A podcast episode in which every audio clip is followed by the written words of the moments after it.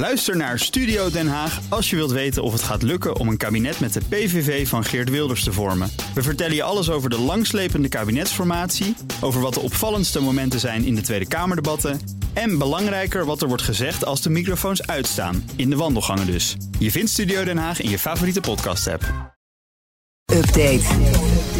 Nou, Broekhoff, goedemorgen. Goedemorgen, hoi. Over uh, de olieprijs gesproken. Ik heb het idee dat de benzine wat goedkoper is aan de pomp de laatste Ja, tijd. Klopt. Fijne stad. Ja, op sommige plekken kun je onder de 1,90 Ja, eh, ik zag gisteren 1,88. Ja. Volkswagen staat een eh, zeer uitdagend jaar te wachten, zegt de topman van Volkswagen zelf. Ja, dat is eh, Olivier Bloemen, eh, topman van de Volkswagen Groep. Dat is de groep, dus de waaier aan merken, dus Audi, Skoda, et cetera. Eh, Het concern moet ja, kosten besparen, eh, in totaal 10 miljard euro. En dat weegt behoorlijk op de organisatie, zo blijkt. Ehm, 2024 wordt economisch een zeer uitdagend jaar. Al dus Bloemen in de Duitse pers. Dus ja, Volkswagen moet even door de zure appel heen bijten volgend jaar... om dan in 2025 weer door eh, te pakken. Eh, het rendement moet omhoog. De eerste negen maanden eh, kwam dat rendement van de groep uit op 3,4 procent. Dat is niet zoveel. Dat moet naar 6,5 procent in 2026. Dus er is echt nog wel een hele weg te gaan voor, eh, voor Volkswagen. En ook een eh, kleine winstwaarschuwing voor volgend jaar alvast eh, van deze topman.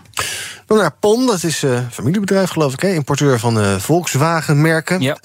Nederlands bedrijf gaat Audi's verkopen in Vietnam. Ze gaan.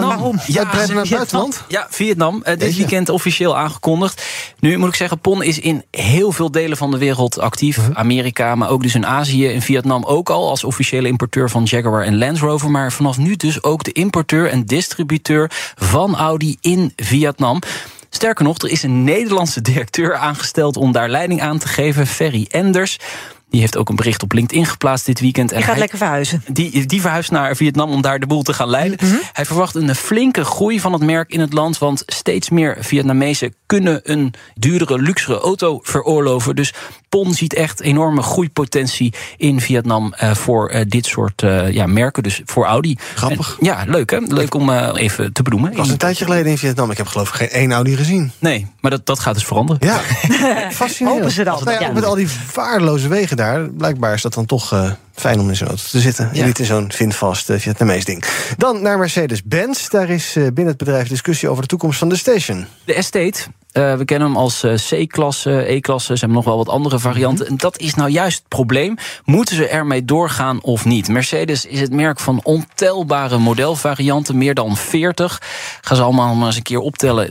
Het is bijna geen doen. En dat aantal moet echt omlaag. Nou, het voornemen was om het gros van die stationwagens te gaan schrappen. Maar daar is intern natuurlijk eh, gedoe over ontstaan binnen Mercedes, schrijft het Duitse Handelsblad. Want ja, de kans bestaat natuurlijk dat je een trouwe groep aan klanten, echte Mercedes-rijders, de, de rug toekeert. Een beetje klassieke Mercedes-rijders, of niet? Ja, eigenlijk wel. In Duitsland is de station toch nog steeds wel populair. Zeker ook bij Mercedes. In de rest van de wereld ligt dat anders. Daar willen ze gewoon graag een SUV. Dus de vraag is: gaan die C- en E-klassen nou wel of niet sneuvelen? Wie wint de, de machtsstrijd om de combi, de estate, de, de stationwagen binnen Ja, Mercedes? ik zou zeggen eentje meer of minder. Hè, als je het hebt over zo'n soort. Ik snap dat er kosten bezuinigd moet worden. Ja. Maar als je daarmee het risico loopt op het klanten eh, van je afwenden. Ja, denk je, ja. ja, laat, laat, die er, laat er dan één staan. Dat is de afweging die je moet maken. Op dit moment eh, willen ze nog één eh, model gaan voeren. Dat is de CLA Shooting Brake. Dat is een, niet echt een station. Dat is een, meer een ja, shooting brake. Dat is een aflopende daklijn achter. Dus ik, ik ben benieuwd. We gaan het zien. We gaan het zien. We Ja. moeten toch even kort naar een eh, Lamborghini. Ja. Gecrashed en al. Ik dacht, jij stuurt een AI-gegenereerde foto... maar het is gewoon Nee, een volledig in elkaar de prak gereden ding. Ja. Uit de Wolf of Wall Street en die is nu geveld. Ja, eh, een Countach. eh, Een flink gehavend is hij ook, zoals jullie kunnen zien op de Ja. foto's. Een bijzonder jubileummodel ook, uit 1989. 658 stuks maar van gemaakt. Die auto is dus te zien in die film, The Wolf of eh, Wall Street. Iconische scène met eh, Leonardo DiCaprio achter het stuur. Hè, dan rijdt hij die hele auto DiCaprio, zei dat Die nou? cabrio, die Ja, mooi. DiCaprio, DiCaprio, Dat is een mooie autoverspreking. Die cabrio, ja. Ja, oh, maakt het uit. Ja. waarin hij dat spul heeft gebruikt en zichzelf uit die Lamborghini moet helpen. en Juist, over de grond juist, kruipt, juist, krijlend. juist, ja. juist, juist. Iconische eh, scène. eh, en daar is dus een echte Lamborghini voor gebruikt. Die is dus gecrashed en die stond dus te koop bij eh, Bonhams. En die wordt verkocht. Die is is, verkocht. verkocht. Het is toch niet te geloven? 1,3 miljoen dollar. Iets minder dan ze hadden verwacht. Maar toch 1,3 miljoen dollar voor een auto die volledig gehavend is, gecrashed is. Het is toch bizar wat sommige Ja. mensen voor een auto uitgeven. Ja, want dit komt dan in een museum te staan? Nou, Of, nee, eh, Je kan er in geen de meter- garage. Je kan er geen meter meer mee rijden. Nee, precies. Je kunt hem helemaal opnieuw opbouwen. Ja, maar dat doe je niet, toch? Ben je weer een miljoen kwijt, eh, Ja. waarschijnlijk. Nee, Ja. dat doe je niet. Nee, dat is gewoon een collectors item. Het is echt een collectors item. Voor mensen die die film helemaal fantastisch vinden... en die die, En die eh, veel te diepe zakken hebben. Caprio eh, geweldig vinden. Nou, Broekhoff van Autoshow. Dankjewel. Joep. De auto-update wordt mede mogelijk gemaakt door Leaseplan. Cabrio. Leaseplan. What's next?